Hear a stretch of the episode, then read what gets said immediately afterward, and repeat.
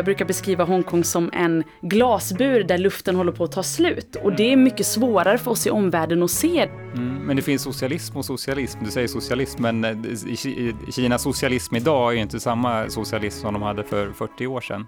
Om man tittar på vad Kina gör med Belt and Road, eh, den, det som de kallar för nya sidenvägen, så är ju det nykolonialism i sin, i sin renaste form.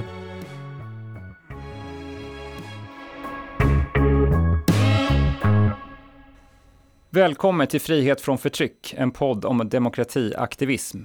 Idag stämmer vi upp i en svanesång för Hongkong. När britterna drog sig tillbaka från Hongkong lovades ett land, två system. Hongkongs första chefsminister sa högtidligt Vi, Hongkongs folk, kommer att vara herrar över vårt eget öde. Den sista brittiska guvernören Chris Patten kallade detta för ett Unshakable Destiny, ett oomkullrunkeligt öde om man talar svenska. Idag är Hongkong uppslukat av den kinesiska diktaturen. Hur kunde allt gå så fel och hur bör vi, vi i omvärlden och Sverige reagera? För att resonera om de här frågorna har jag med mig två personer. Den ena är Simona Mohamsson som är författaren till den nyutgivna och rykande aktuella boken Hongkong Rest in Peace. Välkommen Simona! Tack så mycket! Välkommen hit eh, säger jag också till Joar Forsell som är riksdagsledamot i utrikesutskottet för Liberalerna. Tack så mycket. Eh, och jag heter Martin Engeby och jag är chef för SILK. Eh, Simona, vi börjar med dig. Eh, kan du ta och summera de senaste 24 åren på två minuter? Vad har hänt sedan högtidstalen? Ja, man kan ju säga första juli 1997 så hissades Eh, hissade de brittiska soldaterna ner the Union eh, flag och sen efter det kan man ju säga att det tog inte lång tid innan den här boxen eller friheterna som blev lovade till Hongkong eh, började liksom utarmas. Och det kan man se genom Eh, genom historien kanske det var mer sakta, men senaste fem, sex åren kan man säga att det har gått fortare. Vi har sett en nationell säkerhetslag som har eh, satts in i Hongkong som gör nästintill allt du gör olagligt. Um, man ser hur ökad militär närvaro, man ser polisbrutalitet. Man har alltså sett gång efter gång hur det som var lovat, som du inledde med, mm. har försvunnit. Mm. Så jag skulle säga den stora frågan är, kommer det finnas något kvar de resterande 24 åren av det här avtalet? Mm. Eftersom avtalet går ut eh, 2047. Och det är det som är oklart. Just det, men det tog väldigt lång tid innan man reagerade ändå. Det kanske är så när man avvecklar friheter. Ja, men jag tänker att det här är väldigt intressant för väldigt ofta har vi pratat om eh, platser där det är diktatur, där människor kämpar emot det. Vi ser det i, i Belarus, vi ser det liksom i många länder där, där det finns väldigt tydligt en ondsk, ondska och liksom så finns det godhet, det finns svart och vitt. Här pratar vi om ett ställe, jag brukar beskriva Hongkong som en glasbur där luften håller på att ta slut. Och det är mm. mycket svårare för oss i omvärlden att se det. Det här är alltså ett, en plats där jag skulle säga att de har mer, eh, mer, är mer lik, lika oss, många hongkongare, än fastlandskineser. Mm. Deras liv var mer likt oss än ungdomar eller människor likt sig själva eh, på fastlandskina. Mm. Och det har börjat försvinna. Så tänk att hela livsstilen förändras och det är lite svårare att att ta på. Mm, och det här är ju då ett, ett uttryck för kinesisk imperialism och, och inget annat ska man kunna säga. Eh, och vi ser på flera ställen att Kina är på frammarsch. Eh, det här kinesiska imperialismen, är det någonting som du och de andra eh, ledamöterna i utrikesutskottet diskuterar och är bekymrade över?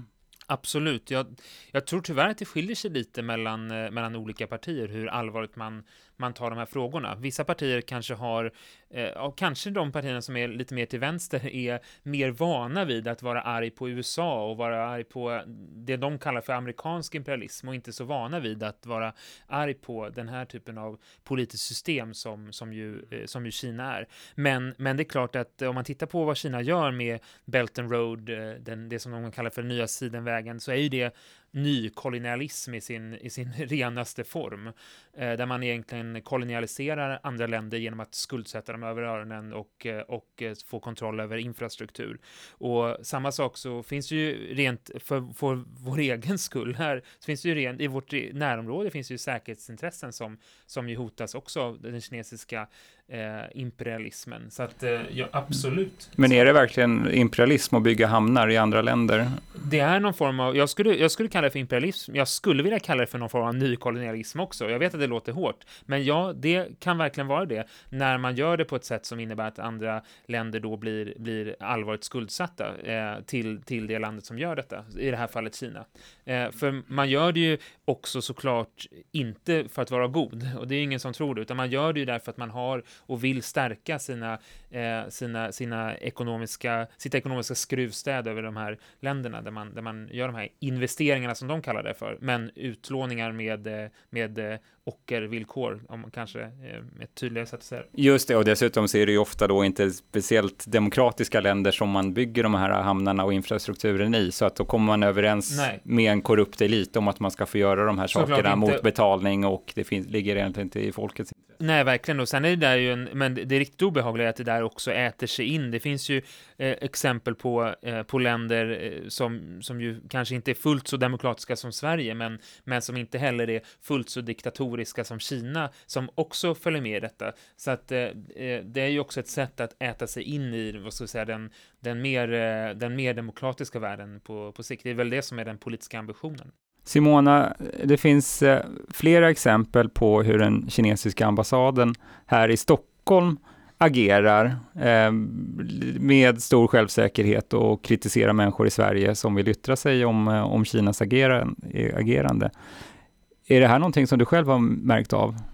Ja, jag har ju börjat få väldigt många brev eller mejl från eh, både ambassaden här och eh, Eh, generalkonsulatet nere i Göteborg som säger att jag sprider felaktigheter och sprider en felaktig bild av såväl Kina och Hongkong. Och jag tänker att det väldigt mycket hänger ihop egentligen med den ganska grandiosa självbilden som Kina har av sig själv, men också som Xi Jinping alltså, vi påvisar att så här, det här, Kina just nu och vad Kina gör, allt från att skicka ett mejl till mig mm. eller hur de beter sig i sina så kallade biståndsprojekt eller mm. investeringsprojekt, så är det en sorts modern socialistisk storstat och de är inte intresserade av att bara hålla på med socialism i Kina eller i Kinas närområde mm. utan de är intresserade av att få den här socialistiska idealen, den här drömmen att växa sig liksom större och det är det som är farligt med en sån ideologi tänker jag att mm. det stannar liksom inte vid den gränsen eh, och Hongkong är ju bara det första av,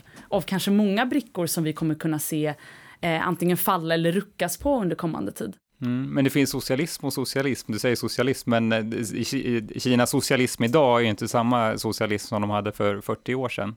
Nej, precis. Eh, jag skulle säga att eh, det är väl Xi Jinping själv som har sagt att han, han vill skapa den här moderna socialismen och han ska vara fadern för det. Man ser ju också ehm, den, just den här Xi Jinping är ju väldigt unik i, i, i Kina just nu och har fått har nästan satt upp sig till, till att vara lika st stor som Mao Zedong liksom, i ideologiskt och i vad han vill göra för Kina. Mm. Så jag tänker att det är absolut olika tendenser av socialism. De har ju fattat kapitalism. De försöker, så här, Kina har ju fattat kapitalism och det är därför de lyckas vara det tillväxtlandet som de är. De lyckas spela ut oss i vårt egna spel om man nu ska, ska prata ur ett liberalt demokratiskt sätt där vi tror på att frihandel ska pusha länder till, till att bli mer demokratiska och att eh, frihandel ska skapa liksom, bra relationer. Ja, det finns freeriders i ett sånt system för att om man har en stat som då är aktiv så är det klart att då, då ja, kan man vinna fördelar. Om alla stater gjorde likadant så skulle frihandeln bli mycket sämre. Mm. Så de är ju lite allmänt eh, ja, buffliga, skulle man kunna säga. Men, men är det inte extraordinärt att du får mejl från den kinesiska ambassaden? För vi, vårt förlag ger ut böcker om, om alla möjliga länder, och jag har aldrig hört talas om förut att någon har hört av sig. Och de är ju ofta väldigt kritiska om Venezuela eller Kuba eller Vitryssland eller något annat land. Jo, men det, det, är klart att det är jättekonstigt, men jag är inte förvånad för att jag uppfattar inte att Kina eh, som, som land, men framförallt eh, kinesiska representanter här i Sverige agerar särskilt rationellt. Alltså vi har sett hur de har hotat svenska eh, journalister som Jojje Olsson mm. att sluta rapportera och det här är ändå en, en journalist som liksom gör det till sitt vardagliga arbete att bo, leva i Taiwan och rapportera. Vi har sett hur de har för, försökt få ministrar att inte gå på olika prisutdelningar. Mm. Jag skulle inte säga att det är, det är ett agerande från en rationell stat utan det är väldigt så här skjuter från höften och lite bara allmän ilska. Du vet när man inte ger barnet vad de vill i i, liksom på, på ICA och så lägger de sig ner på golvet och bara skriker ungefär så skulle jag säga. Ja, Joar, hur mycket förolämpningar ska vi tåla innan vi skickar hem en ambassadör? Alltså, kan man acceptera den här typen av beteende? För att det är ju lite som, om man brutaliserar ju alla relationer om man liksom tillåter att man ska prata på det här sättet. Egentligen så skulle man ju vilja säga att nej, vi accepterar inte detta, vi skickar hem den här eh, clownen, om jag ska uttrycka mig, eh, tala klarspråk. Men det är klart att vi behöver ju också väga nyttor och fördelar här och det är väl det som är problemet. För det här är ju ett, det är ett land där vi har, det är många svenskar som är i Kina. Eh, om vi skickar hem den kinesiska ambassadören så kommer såklart Kina skicka hem den svenska ambassadören. Och en ambassad är ju inte bara en eh, symbolhandling så att säga, utan det finns ju också rätt viktiga konsulära uppgifter och så vidare som, som man ägnar sig åt. Eh, jag, jag tror att eh, gör vi detta eh, så kommer det resultera i att vi så småningom får en ny kinesisk ambassadör i Sverige som är precis lika likadan. Ja, eh, och, det, och, det, och det är väl den, den tråkiga sanningen här, att det, det är nog inte så mycket att göra och på det här sättet. Sen så behöver väl vi se till att det finns att personer som får de här mejlen eller blir uppringda eller på andra sätt trakasserade av ambassaden får det stöd och det skydd som man kan behöva eller upplever sig behöva i Sverige för att kunna fortsätta verka, kunna fortsätta använda sina, sina, sin yttrandefrihet eller, eller vad det nu kan handla om. Eh, och det är, ju, det är ju det vi kan göra i Sverige i alla fall i den frågan. Det finns ju en person som har drabbats av något värre än att få ett argt mejl och det är Gi Minhai Hai. Eh, Simona, berätta vem det är. Mm. Gui Minhai är ju en svensk medborgare och göteborgare eh, som numera är fängslad i Kina. Eh, och eh, ja, hur ska man kort säga, han, han provocerade väl eh, diktaturen genom att vara bokförläggare eh, och skriva böcker som, som eh, bestod av oftast en genre där man liksom eh, skämtar, ska, sarkastisk eller, eller sprider så kallad liksom skvaller eh, om de här kommunistpamparna. Eh, och det gjorde att han blev tagen i sitt eh, semesterhem i Thailand och bortförd till fastlandskina. Och, eh, och när du säger tagen så menar du kidnappad? Ja, kidnappad. Tag, ja, precis. Kidnappad, Eh, och fängslad. Och eh, ja, hans dotter bland annat som är en av personerna som pratar väldigt ofta om det här. här man har inte kunnat ha tillgång till honom, man har inte kunnat prata med honom. Eh, och det är väl också att lägga till bara för att förstå liksom Kina att det här är inte en person som är fängslad liksom, i, ett, i ett land där, det, där vi vet hur, hur möjligheterna är i ett fängelse. Utan man använder, det, det är väldigt tydligt klarlagt att man använder sig av tortyrmetoder under förhör. Eh, det, är, alltså, det är hemska förhållanden och då tänker jag, vad gör vi när en svensk medborgare, när en svensk medborgare är fångatagen? Mm. Som använder sin mm. yttrandefrihet. Ja, Joar, vi har två samvetsfångar i fängelsehålor utomlands, eh, Gui Minhai och David Isak. Är vi ett för litet land och är vi maktlösa i förhållande till diktaturerna? Ja, eh, både, både ja och nej får man väl svara på den frågan. Eh, för den, du, du ställer ju fler frågor i en, så att säga. Mm. På frågan, är vi ett för litet land? Ja, men då är nog svaret ja, att vi är för små för att ensamma eh, kunna komma till bukt med det här. Ensamma har tillräckligt mycket bett för att kunna hjälpa alla svenskar i hela världen, alltid. Men vi är ju inte ensamma, och det är väl det man ska ta till fasta på här. Ta fasta på att vi behöver samarbeta med andra, såklart EU är ju det, det uppenbara. Eh, Eh, och eh, då är vi ju inte, då är vi ju inte svaga om, om när vi är starka tillsammans. Mm. Eh, så att det här handlar ju om såklart att ja, vi ska ju göra det vi kan och vi ska såklart ligga på och, och påtala detta alla gånger vi kan och försöka, försöka göra allt vi kan. Och också stötta de personerna som, som, som, är, eh, som är Sverige, återigen kopplade till de, här, till de här olika fallen. Men sen behöver också EU vara en kraft eh, i, den här, i de här frågorna. Eh, en EU-kommissionär som jobbar med de här frågorna, det är ju inte bara Sverige som är, eh, som är drabbade, utan det, är ju, det finns ju också andra länder mm. och det kan ju hända vilket land när som helst. Det är ju precis som Simona säger, att det här är ju, det är ju inte, jag tror att man, man ska inte lura sig att tänka på Kina med samma rationalitet, samma logik som vi har i Sverige, utan man måste, mm. man måste förstå att det är ett land som agerar på, på helt andra rationaliteter, helt andra logiker. Mm. Och då kan man bli drabbad när som helst, eh, vilket land man än är. Och då behöver vi gå samman för att kunna stötta varandra. Ja, nej, men för att det är ju så att man, man fäster sig alltid extra vid ett fall som rör en av de egna medborgarna. Jag vet att till exempel att i Egypten så, så är Italien väldigt, väldigt engagerade för att det var en, en ung italienare som blev arresterad och, och, och, och misshandlad. Jag tror han dog också. Men det känns ju som att på EU-nivå att man skulle kunna samla, samla ihop det här lite. Vi har ju ett eh, uppenbart gemensamt intresse av detta och dessutom så tror jag att eh, Eh, det, är ju, det, finns ju, det finns ju risk när man är liten att, eh, och ensam att det kommer in massa andra intressen och så vidare, men som är lite grann suddas ut så man kan koncentrera sig på den huvudsakliga uppgiften om man är fler och går ihop. Mm. Man får bort lite av, eh, av allt det andra spelet som kan vara mellan två länder när man gör saker gemensamt så att säga.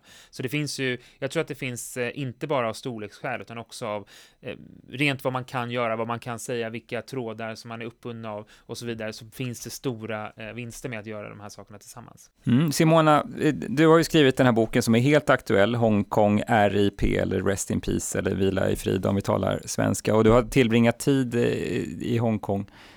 Hur, hur, berätta för dem som kanske inte tänker så mycket på det när de är ute och reser, men hur känner man att man är i ett land som inte är fritt? På vilket sätt märker man liksom att det saknas frihet? Alltså när jag var i Hongkong 2019 så tror jag inte att jag faktiskt slogs så mycket av det just då. Jag slogs av närheten till, till Kina och att det gällde andra saker där och att, att de åtnjöt och verkligen var tydliga med att här kan vi använda Twitter, här kan jag säga vad jag vill. Men det var 2019 den bilden har förändrats helt när jag pratar med många av dem som är, som är med i boken. De, det finns inte längre. Det har utraderats. Så jag skulle säga, skulle jag åka dit nu så skulle jag verkligen märka av det. Jag märker av det bara av att prata med dem när de säger vi kan, första månaderna när den här nya säkerhetslagen instiftades, då var, det dött, då var det helt tyst. Vi kunde inte ha kontakt med våra vänner i Hongkong för att de var så rädda för mm. om den här appen kanske skulle kunna vara en av de apparna som nu kinesiska staten skulle kunna använda sig av. Alltså bara den här, de här grejerna, och då behöver du inte ens vara på plats, men att du har människor du känner på plats gör att, att det blir, du märker av, det är inte längre frihet.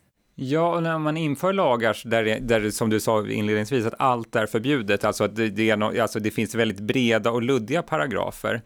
Eh, då är det ju så att när som helst kan man slå till mot någon. Eh, och, eh, och det händer ju också då att man faktiskt, det räcker med att man slår till mot en person som gör någonting som egentligen inte är speciellt farligt, så blir alla andra väldigt rädda.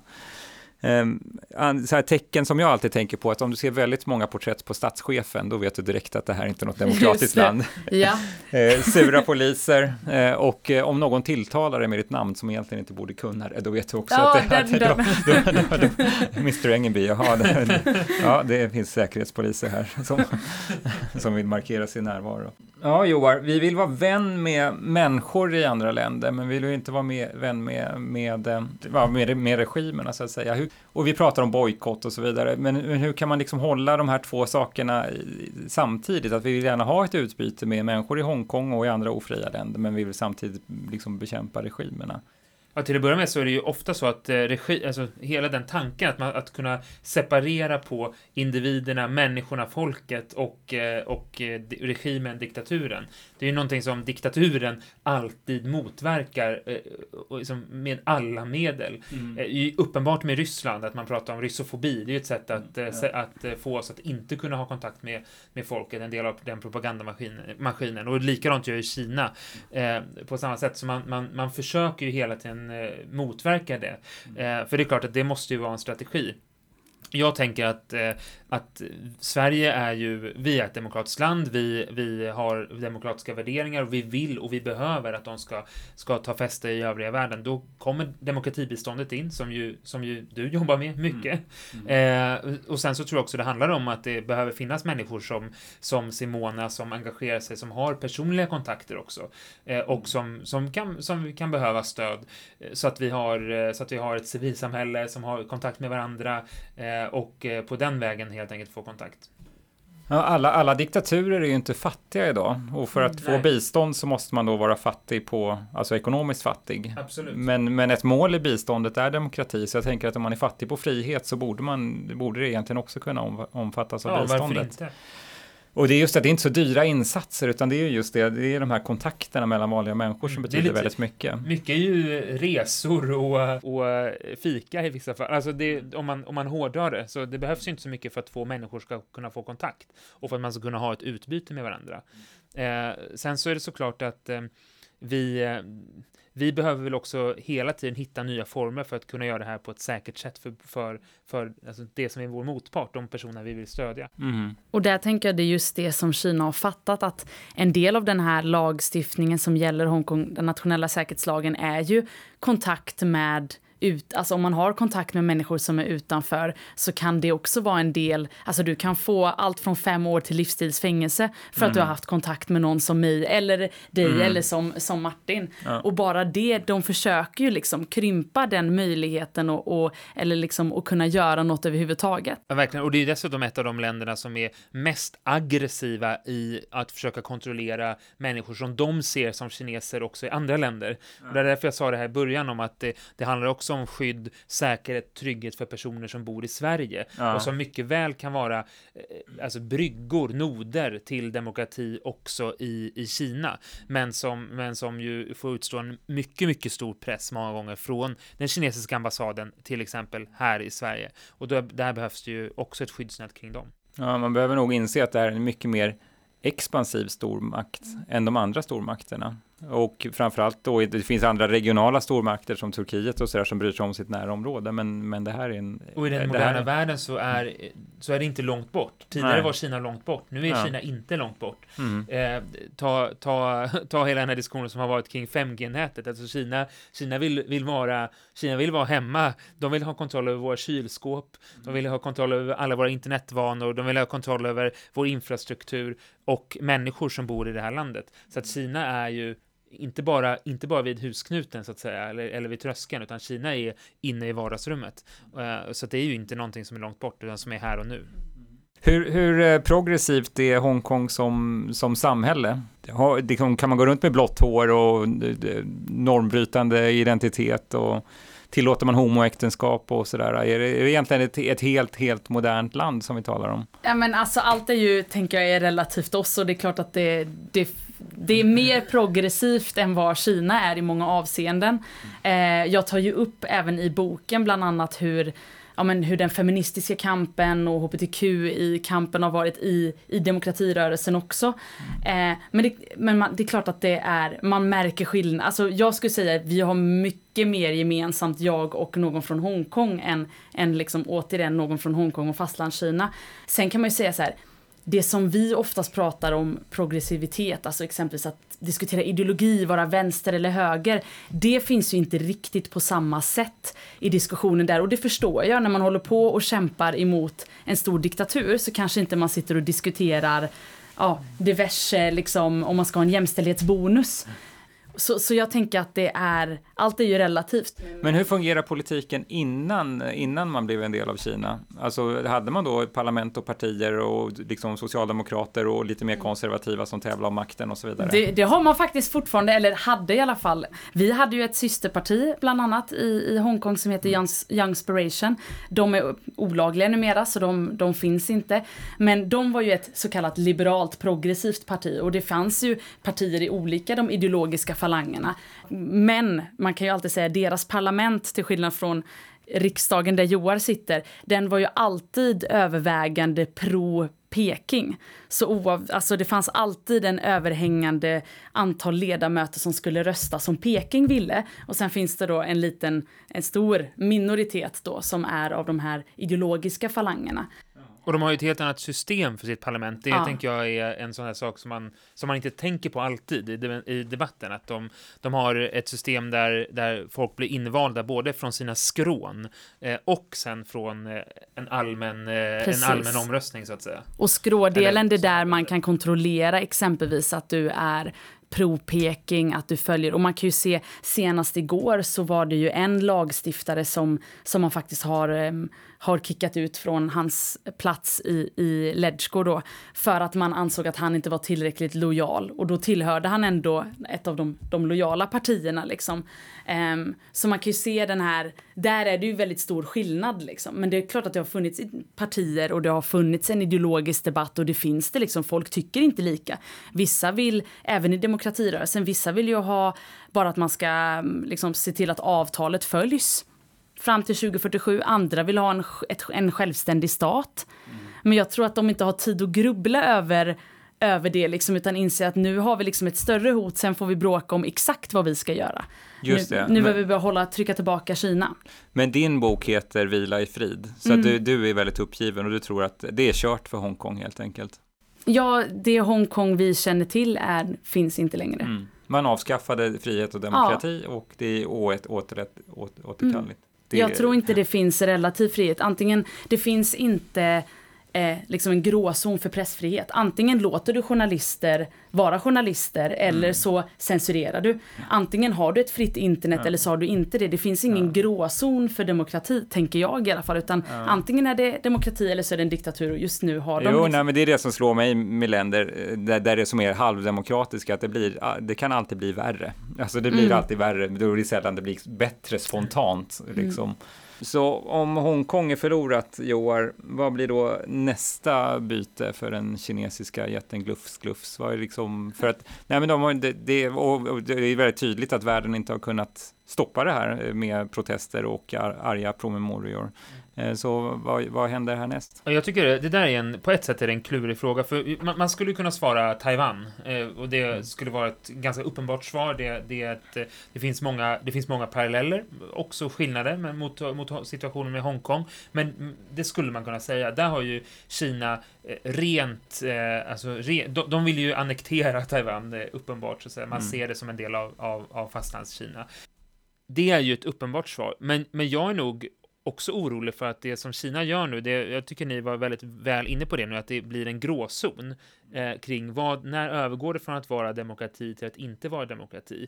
Och det Kina gör nu, eh, till, eh, liksom, till exempel på den afrikanska kontinenten, vissa länder, eh, det är ju också någon form av, fast lite mer långsam och lite mer otydliga, det är inte riktigt lika tydliga konturer, men det handlar, ju också om att annektera, fast kanske inte annektera genom att sätta trupp på marken och ta, och, och, och ta platsen, men annektera genom att, eh, genom att göra vissa länder helt beroende därför att man är skuldsatt till exempel. Det- Det är samma sak som man ser runt om Kina där man, där man bygger dammar, absolut för att man behöver elförsörjning, men det kapar också fiskemöjligheterna för till exempel invånare i Laos eller något liknande. Och det är klart att det kan ju vara en politisk och ekonomisk annektering av, av närliggande länder. I Sverige så tror jag faktiskt att vi ska vara oroliga för djupare relationer med Ryssland, men också för spänningar i, i Arktisområdet, där ju, där ju Kina också har expansiva eh, ambitioner. Så att, så att, så att det är ehm, det kanske är svaret, eh, vad blir nästa byte? Det skulle kunna vara frihet för oss här i Sverige. Eh, det skulle kunna vara, eh, svaret skulle kunna vara andra länder som är involverade i det här Belt and Road-initiativet, eh, den nya sidenvägen.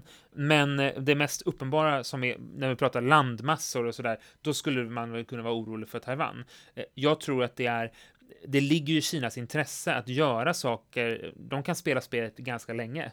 Mm. Det ligger i Kinas intresse att göra saker långsamt på ett sätt som gör att vi inte reagerar och agerar eh, på ett kraftfullt sätt som vi hade behövt göra, framåtlutat till, till eh, att göra motstånd.